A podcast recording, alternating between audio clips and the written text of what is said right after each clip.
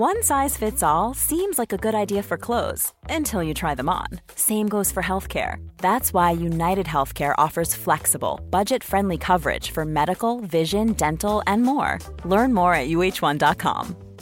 Mom deserves the best, and there's no better place to shop for Mother's Day than Whole Foods Market. They're your destination for unbeatable savings, from premium gifts to show-stopping flowers and irresistible desserts. Start by saving 33% with Prime on all body care and candles. Then get a 15-stem bunch of tulips for just $9.99 each with Prime. Round out Mom's menu with festive rosé, irresistible berry chantilly cake, and more special treats. Come celebrate Mother's Day at Whole Foods Market. Since 2013, Bombas has donated over 100 million socks, underwear, and t-shirts to those facing homelessness. If we counted those on air, this ad would last over 1,157 days. But if we counted the time it takes to make a donation possible, it would take just a few clicks. Because every time you make a purchase, Bombas donates an item to someone who needs it. Go to bombas.com slash ACAST and use code ACAST for 20% off your first purchase. That's bombas.com slash ACAST, code ACAST.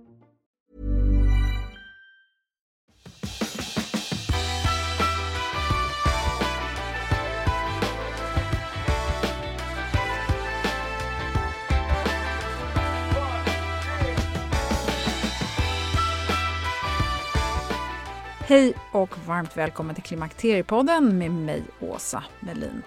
Det är så intressant med alla frågor och reflektioner som kommer in.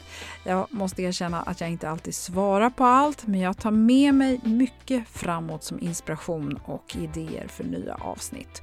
Och du kan också lita på att jag tar åt mig av både ros och ris. Jag vill verkligen speciellt tacka för all respons på avsnitt 296 om alkohol.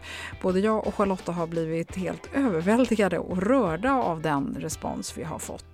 Jag förstår också att det är svårt att tala om alkohol när man själv känner att det skaver och oroar. Så styrkekramar till alla er som behöver det.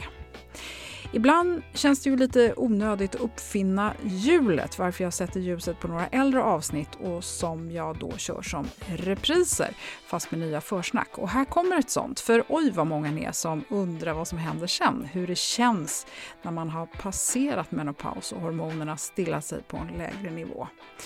Och jag vet ju hur många ni är som har hängt med Klimakteriepodden sedan starten sommaren 2017. Och precis som för mig så har det naturligtvis hänt mycket för er. Och jag är själv väldigt nyfiken på hur det är att bli äldre, hur, hur det liksom kommer kännas. Eh, alltså jag vet ju att jag blir äldre varje dag, men jag tror att ni fattar vad jag menar.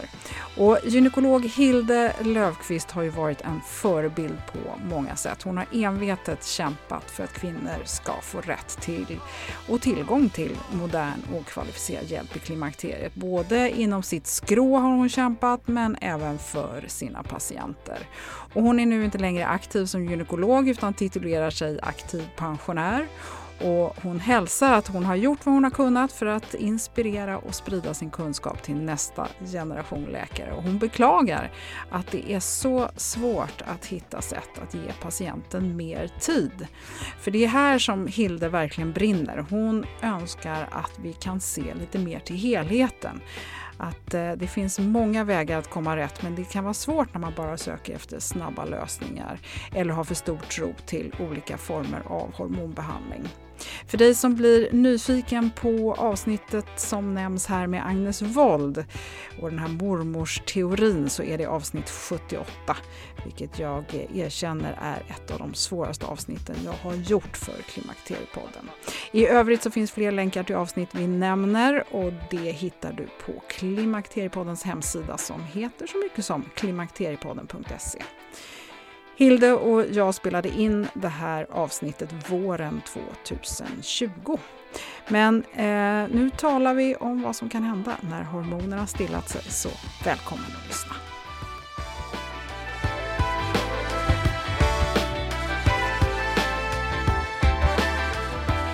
Hilde Löfqvist, hjärtligt välkommen tillbaka till Klimakteriepodden. Tack så mycket. Och en av de absolut mest uppskattade.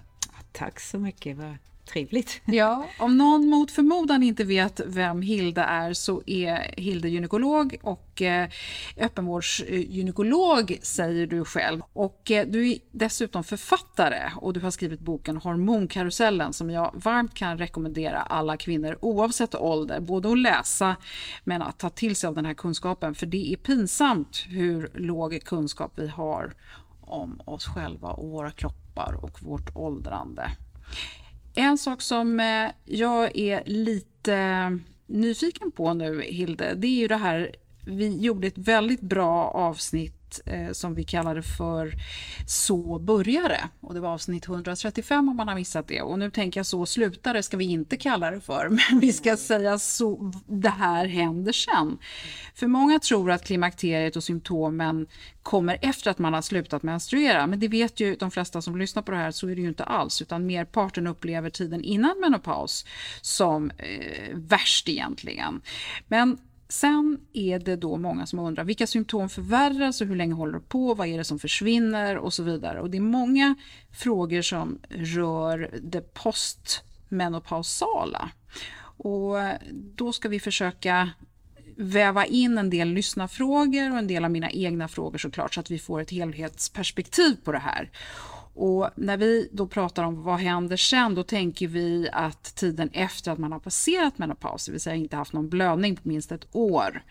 Och det finns många fördomar om den här kvinnan eh, som jag gärna vill ta död på med hjälp av dig, Hilde.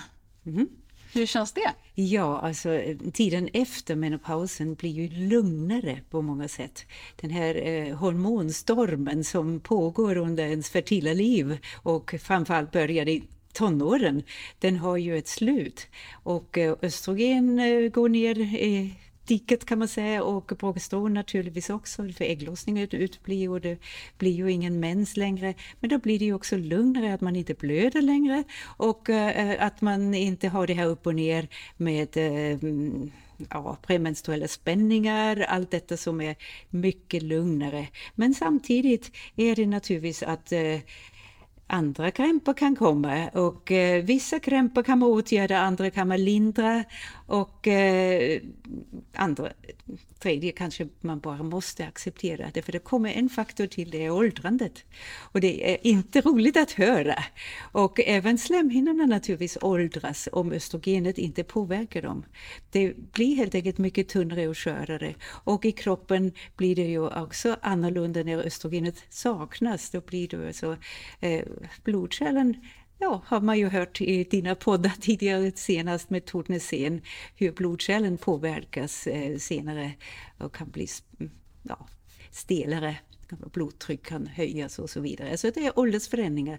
Och det är vad jag menar är så bra att man är ändå väldigt uppmärksam på eh, att vad man kan göra att förhindra eller förebygga dessa åldersförändringar i förtid. Alltså där är det då alltså rätt livsstil, hålla på med rätt kost och motionera, inte röka, leva i harmoni. Allt som du kan göra för att förbättra din hälsa. Men hormoner spelar naturligtvis också en roll om man kan förebygga i tid. Och det har jag ju pläderat för länge. Ja, Hilde, du är ju otroligt insatt i internationell forskning och du har ju hållit dig ajour under alla de här åren. För man kan väl, vi kan väl bara väldigt kort nämna att här i början av 2000-talet så kom det ju eh, den här så kallade VHI-studien och då hände det någonting från att, att hormonbehandling var någonting som var väldigt vanligt så plötsligt så sjönk det här till botten. Vi kan väl bara, vi har pratat om den VHI-studien massor med gånger i podden, men vi kan bara kort referera studera den? Ja, så VHI-studien var ju en jättestor studie i USA och eh, det skulle ju egentligen visa eller bevisa hur bra det är med hormoner och kvinnorna, ska, kvinnorna skulle ta det hela sitt liv och tills de dör ungefär. Men eh, eh, felet var ju att man gav det här i ett syfte att det skulle bevisa hur bra det är för att förebygga mot hjärt-kärlsjukdomar och liknande. Eh, men det visade ju att det var tvärtom. Mer hjärtinfarkt, mer bröstcancer, mer stroke, mer blodpropp. Det är så konstigt tyckte man.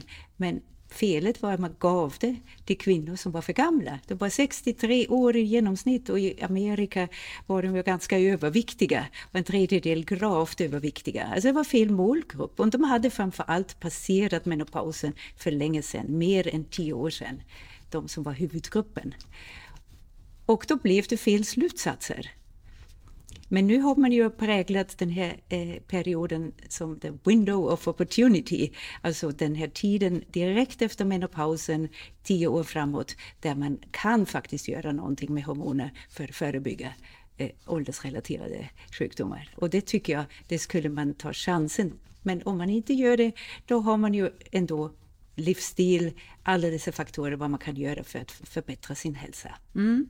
Vi ska eh, gå in på lite grann med de här om man upplever väldigt lite symptom i form av, alltså de klassiska är ju då svettningar och vallningar och humörpåverkan och så vidare som ofta kommer kring eh, menopaus. Om man inte känner av det här, är man riskfri då? Kommer man klara sig utan? Det är ju så svårt. Jag får den här frågan så många gånger därför jag har ju så många patienter som kommer nu när de har tänkt sig oj, försummar jag någonting? Men eh, jag tror att eh, det är ju så här att eh, kvinnor har en inbyggd förmåga att klara av det mesta. Alltså, annars skulle vi aldrig leva så länge efter menopausen, eller hur? Vi har eh, hormoner som kommer från binören som skyddar. Det är det här så kallade DHEA, ja men det har vi och män har det också, även om det går ner efter menopausen. Men vi har framför allt genetiskt olika förutsättningar hur vi klarar allting. Så det är en individuell eh, bedömning egentligen. Eh, men kvinnor som inte har svettningar och vallningar, eh, de har kanske andra besvär som de inte har tänkt på. Just att eh, de kanske är väldigt trötta, sover dåligt eller har mycket humörsvängningar. Det tyder ju också på hormonbrist. Eller sen det här med slemhinnorna. Mm. Och urogenitala besvär, minskad sexlust och ont vid samlag. Allt detta kommer ju till också. Men om man, pass, om man är, låt säga, i 55-årsåldern och inte har upplevt någonting mm. och, och, faktiskt inte känner igen sig i de här humörsvängningarna eller sömnstörningarna och så vidare. Mm. Och kan man förvänta sig att man hör till de här lyckliga 20 procenten som faktiskt bara seglar igenom klimakteriet utan egentligen att, att uppleva några symptom? Eller kan det komma senare? Nej, alltså menopausen är ju den tid när mensen har slutat för ett år sedan kan man säga. Och sen är det två, tre år efter det. Då sjunker man ju verkligen ner i sina hormonnivåer och då skulle man då börja få någonting mer. Alltså det är osannolikt. Mm. Då är det över. Men en sak är ju naturligtvis att då kommer ju sådana smygande besvär, kanske med slemhinnorna och eh, vet, urinvägsinfektioner eller benskörhet, Alltså inte glömma benskörhet. För bensköhet det visar sig ju inte i 50-årsåldern eller i 55-årsåldern. I, alla fall ganska säls, sällsynt. Äh, men senare i livet, i 70-80-årsåldern, där är det ju väldigt vanligt bland kvinnor och då är det ju väldigt bra om man har förebyggt redan innan med äh, naturligtvis rätt livsstil och allt vi pratar om, motion och styrketräning och sånt. Men hormoner spelar ju en stor roll där, mm. där vi kan göra något åt. Mm. Du förespråkar ju vikten av en sund livsstil eh, när, man, när man hamnar i den här åldern. Berätta lite mer ingående vad det här innebär. För det är ju inte så enkelt som att man börjar sund kost och, och man ska röra lite på sig. Kan vi vara lite mer specifika? Ja, alltså jag är ju ingen expert på kosthållning. det kan jag verkligen inte säga, men eh, jag tror att det är allt med sunt förnuft. Man ska inte överdriva något. Men till allt hör ju naturligtvis en harmonisk livsstil. Att, att vara lycklig är viktigt. Det är mycket viktigare än att uh, ha perfekt vikt. För det är väldigt många gånger man jagar den rätta vikten och det heter ju eh, ortorexi, att man jämt ska mäta och, och se vad som är perfekt och, och bli orolig när det minsta avviker. Mm. Det ska vi inte ha. Det, vi ska känna oss eh, harmoniska. där, till det hör ju väldigt mycket. Och då kan man väl säga att där börjar det efter menopausen att bli någon slags lugn för många. De går igenom stormen, men sen när de har eh, landat någon gång, då är det ju en annan mognad som kan börja. Och den mognaden, den är mer själslig man reflekterar mer, man har sina erfarenheter i livet, man har dragit sina slutsatser, vad som är rätt och fel och man kanske är mer tolerant förhoppningsvis och man kan lära ut lite mer till andra mm. av sina erfarenheter. Mm. Så det är ju egentligen det som är målet tycker jag. Mm. Det finns ju något mer jag ville säga, kanske det är den här mormorsteorin. Det är lite roligt. Jag tycker, eh, jag håller med eh, Agnes Wold där, att mormorsteorin, det har jag ju hört från flera håll, inte bara från henne. Det är eh, ju så bland valar. Men vi människor är kanske också lika så, att en mormor kan göra väldigt mycket nytta för, för sina döttrar och barnbarn hjälpa till men behöver ju inte föda egna barn längre. Nej. Du, eh, det är ju spännande för du håller ju inte med Agnes Wold om allt kan man konstatera. Nej, nej, men hon är ju emot eh, östrogenbehandling och det är jag inte. Nej. Träning och hålla igång, det är en av nycklarna. Och eh, det finns ju många, vi har hört det här hundra gånger tidigare, och då är det en del kvinnor som, som säger att de har mycket verk och det leder till att man har svårt att röra sig. På, eh, röra sig. Och en del blir till och med rädda för att skada sig eller förvärra sin smärta. Jag vill fråga dig som gynekolog, hur ska man hantera det här med smärta? Vad ska man stå ut med och vad ska man ignorera? Du menar nu smärta i kroppen? I kropp, leder. Ja. leder. Alltså, en av punkterna i det här Menopause Rating Scale är ju eh, just muskel och ledsmärta, om det skulle vara ett symptom på klimakteriebesvär. Alltså symptom på klimakteriet. Mm. Eh, och eh, det finns naturligtvis många andra orsaker till ledbesvär och muskelbesvär, om det nu är en ärftlig faktor eller en inflammation eller eh, alltså artros, eh, medfödd förändring. Allt möjligt kan det vara. Men eh, den här smärtan, överhuvudtaget att hantera smärtan, det är ju det också att man ska ju se till att man inte överdriver att eh, röra på sig. Alltså att, eh, det, många säger oh, du måste träna, träna, träna. Det kan ju bli för mycket. Alltså, om man till exempel är, är överviktig och tränar för mycket, och springa, försöka springa, det, det blir det ju bara värre. Så man ska anpassa det man gör för sin kropp på de förutsättningar man har. Mm. Och då är smärtan ju en förutsättning. Man ska naturligtvis också träna för eh, att eh, annars eh, fungerar ju inte kroppen så bra längre. För vågar man inte röra på sig då blir det ju stelare och då blir ju smärtan kanske också värre. Ja, jag tänker också den här inflammationen, att den också förvärras ja, utan cirkulation. Ja. ja, ja. Så det, men det är ju en annan som är mer specialist än jag, just på rörelseapparaten. Men det är också sunt förnuft igen. Ja. Inte för mycket, inte för lite. Precis innan jag kom hit idag så pratade jag med Tina Westberg och hon är personlig tränare och väldigt engagerad i frågor kring klimakteriet. Och hon tränar och stöttar just många kvinnor som är 60 plus och hon till och med över 80 seniorträning.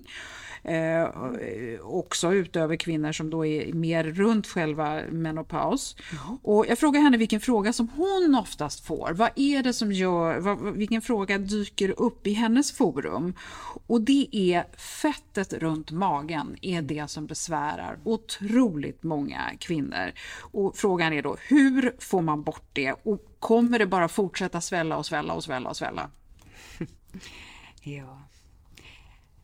Där är det ju eh, kanske lite åldersfenomen trots allt. Tyvärr. Och en viss konstitution. Vissa får det, andra inte. Men sen har det ju betydelse vad man har gjort hela livet, hur man har levt. Och, alltså man har eh, kanske syndat lite för ofta med socker och ätit för mycket och eh, eh blivit väldigt överviktig kan det ju naturligtvis ha betydelse att det är svårt att bli av med sina kilon. Men eh, sen är det ju bukfetma som ökar mer än allt annat i, i efter menopausen. Det är ju en känd faktor. Mm. Och jag tänker så här att på ett sätt kanske man ska vara glad för det, för i de fettcellerna så tillverkas det ju lite östrogen trots allt, eller? Ja, men det är skadligt för hjärta och kärl har man sagt. Just ja, det här fettet okay, är inget bra. Nej. Jag tror inte det är något att eftersträva, tror jag nog inte. Nej, okej. Okay. Men eh, den här viktuppgången som smyger sig på just kring menopaus, är det ju många som upplever att det säger pang och så går man upp fem kilo eller något liknande. Det kan vi väl trösta de flesta med att det fortsätter ju inte bara eskalera. Nej, det är värst kring menopausen. Och det är den här omställningen i kroppen. Östrogenet sjunker, eller först är det ju upp och ner kan man säga. Det är ju också, man sväller på grund av att eh, östrogenet är så pass högt ibland. Eh, Just när man fortfarande har blödningar till exempel. Men när, när det sedan sjunker, då är det ju en annan sak. Men då är ju östrogen för lite. Men insulin och östrogen har vi ju pratat om, har ju eh, ett samspel som är viktigt. Och om kroppen är inställd att bara spara på fettceller, det är ju inte bra. Och eh, då eh, ja, får man ju de här fettcellerna mest i magtrakten.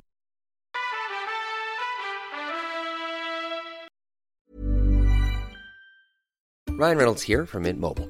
With the price of just about everything going up during inflation, we thought we'd bring our prices down. So to help us, we brought in a reverse auctioneer, which is apparently a thing.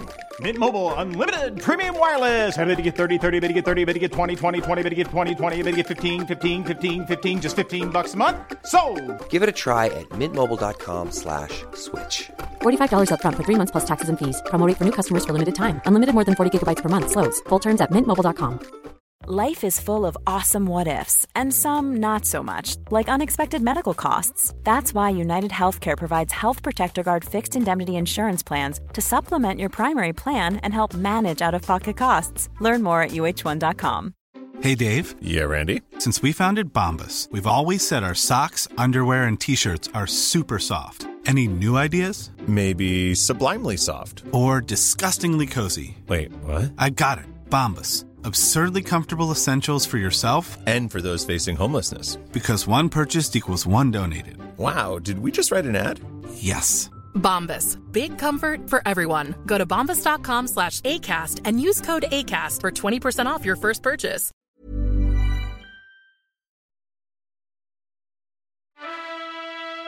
Ja, kan vi kort bara ta det här om insulinresistens, Hilda, eftersom ja. alla inte har det i färskt minne? Ja, alltså insulinresistensen, det är något som smyger sig på egentligen kan man säga. Det är ju inte pang på en gång.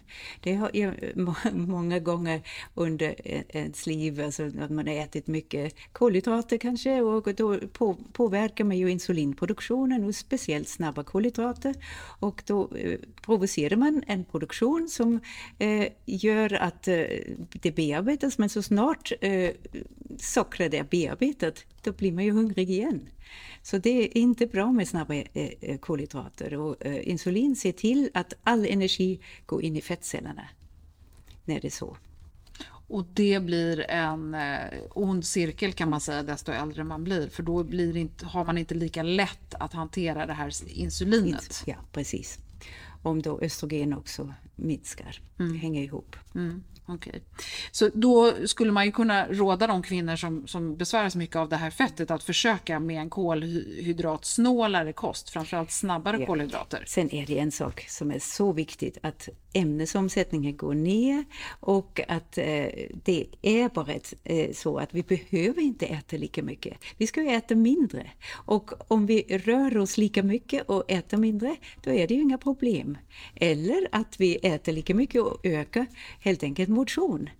Och det kan vi inte heller göra med vår livsstil. Det blir inte så enkelt heller.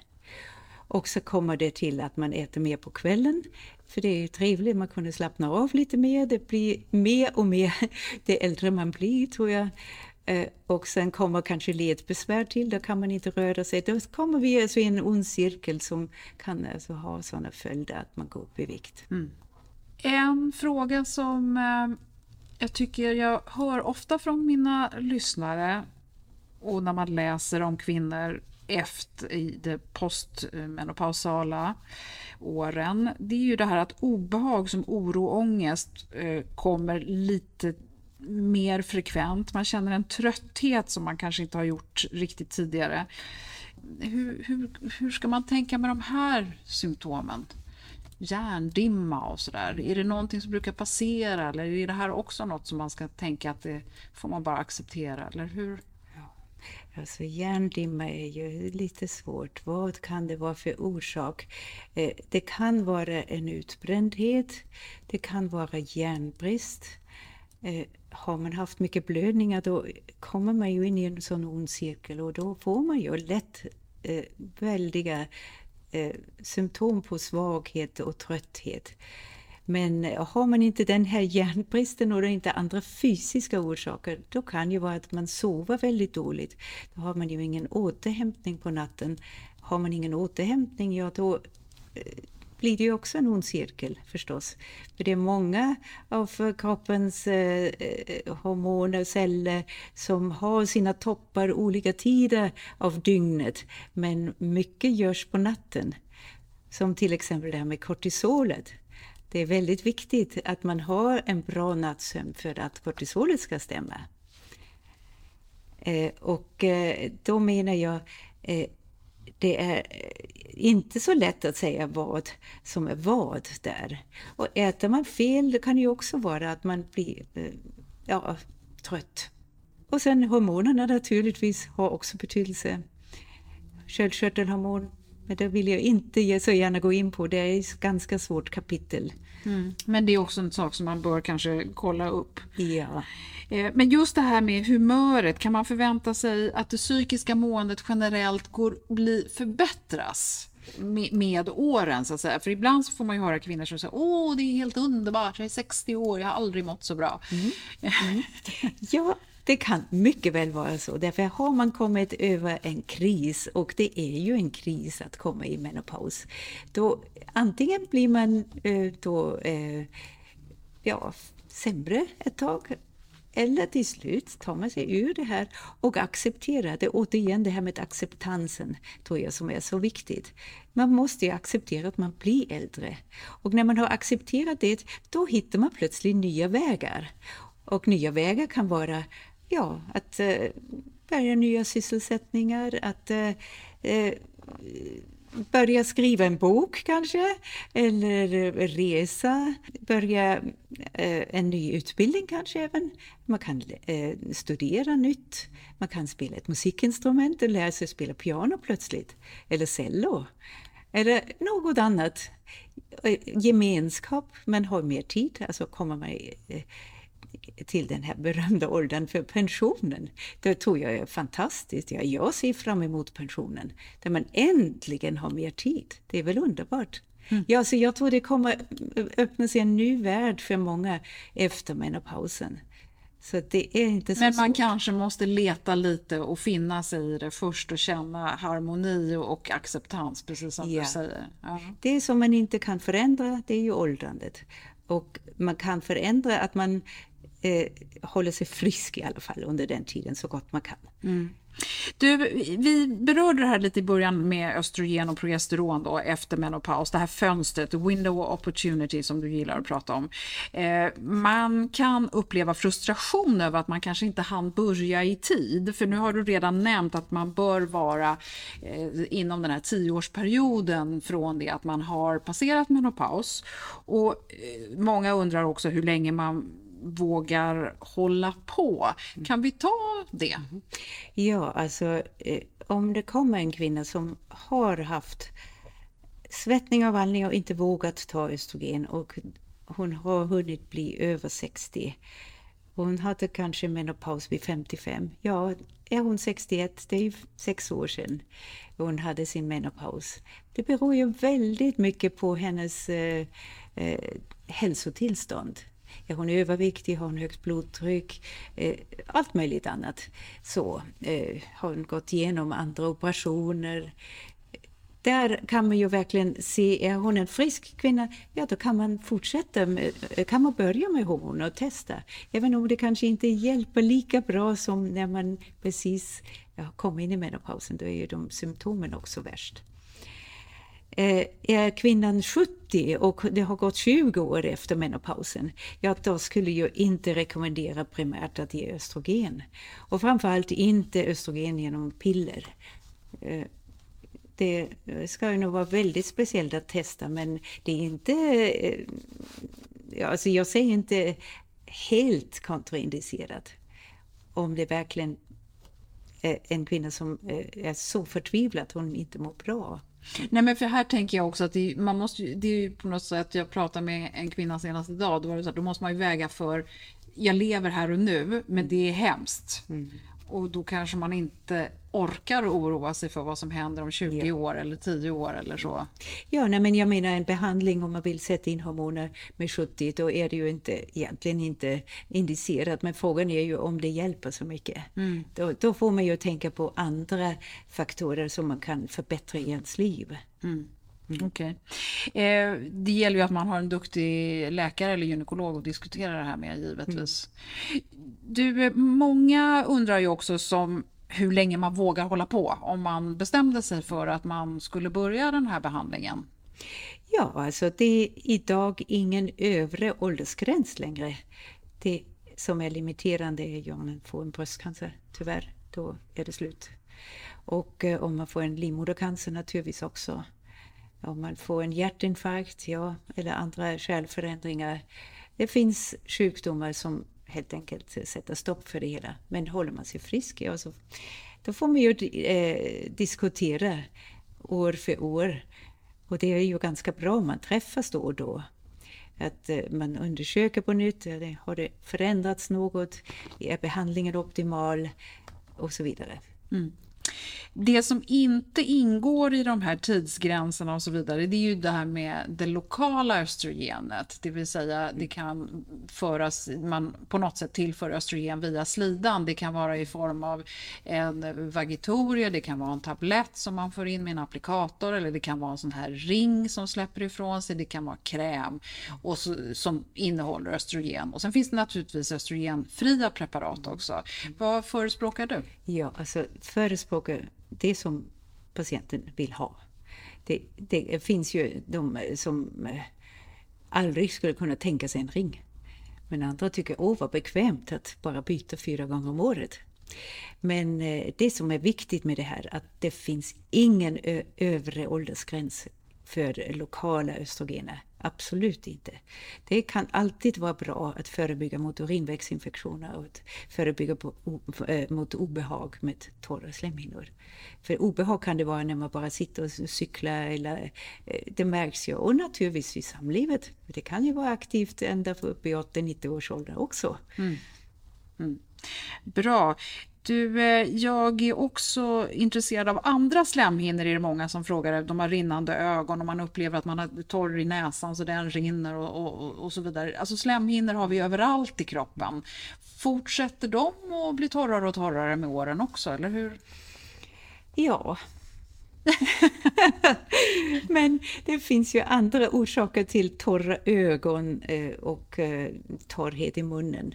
Alltså, det är ju ett eget kapitel, det kan ju vara andra sjukdomar som sagt. Men om det är bara östrogen, det är klart, det blir torrare när östrogen saknas. Så mm. är det bara. Mm. Men det blir inte torrare och torrare och torrare och torrare, torrare i resten av livet? Blir det bara, liksom bara en stor nedförsbacke?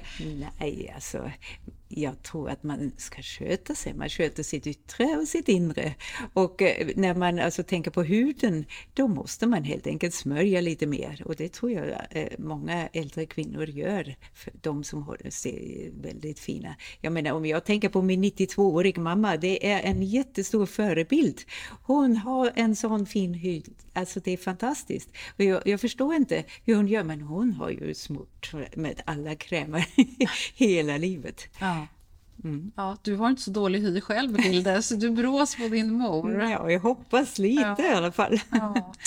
Du, eh, Hilde, vi ska inte hålla på hur länge som helst här, men en sak som jag vill att vi reder ut, det är det här med om man kommer i klimakteriet tidigt så, så bör man ju behandlas. Mm. Eh, för att då har man helt enkelt en bristsjukdom kan man ju säga. Då, då är det ett östrogen som behövs för att man ska åtminstone behandlas ja. tills man kommer i menopaus. Jättebra att du säger det. Men det kan ju också vara så att man blöder väldigt mycket längre efter det som är normalt, det vill säga 51 är ju menopaus för de flesta Mm. kvinnor i västvärlden. Vad, vad, hur ska man tänka då? Ja, jag har ju haft patienter som har blött med 60. Så det finns ju även den gränsen. Och eh, dessa kvinnor har ju inte så mycket klimakteriebesvär egentligen. De har istället blödningsbesvär kanske, men det söker de inte för. Och dessa blödningar eh, beror ju på att det fortfarande är en östrogenproduktion på gång. Så att eh, det längre det skjuts på framtiden, det bättre är för benstommen kanske.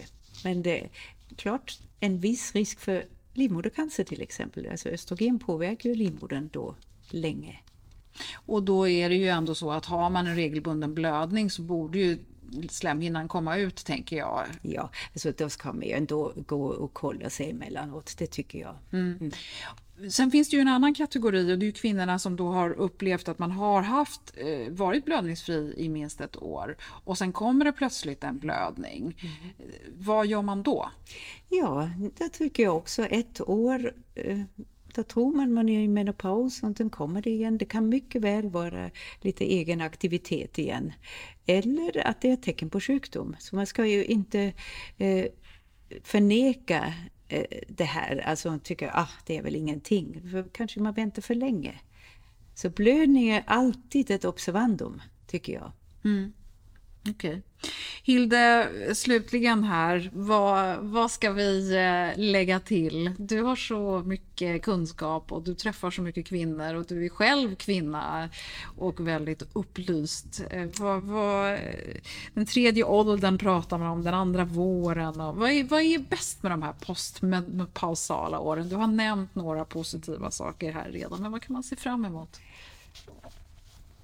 Det är att eh, man kommer in i en lugnare fas i livet, tror jag. Det är mycket som blir bättre, tror jag. Man ska se positivt på livet.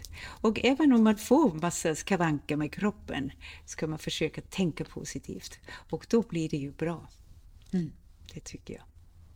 Ja, när man alltså är i den här åldern eh, där man har slutat eh, menstruera och kommer eh, få massa problem, då är det ju ändå så att eh, man kan inte skylla allt på hormoner.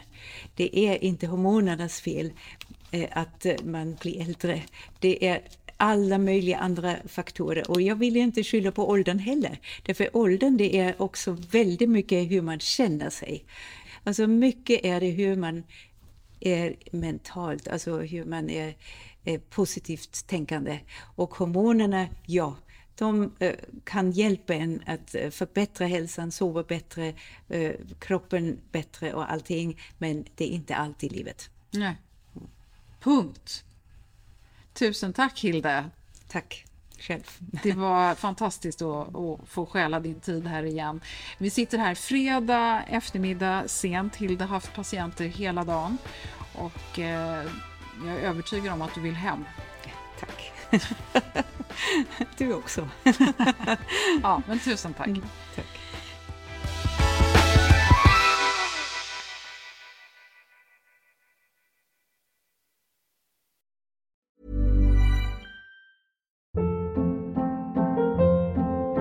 Hold up. What was that? Boring. No flavor. That was as bad as those leftovers you ate all week. Kiki Palmer here, and it's time to say hello to something fresh and guilt-free. Hello Fresh. Jazz up dinner with pecan-crusted chicken or garlic butter shrimp scampi. Now that's music to my mouth. Hello Fresh. Let's get this dinner party started. Discover all the delicious possibilities at hellofresh.com.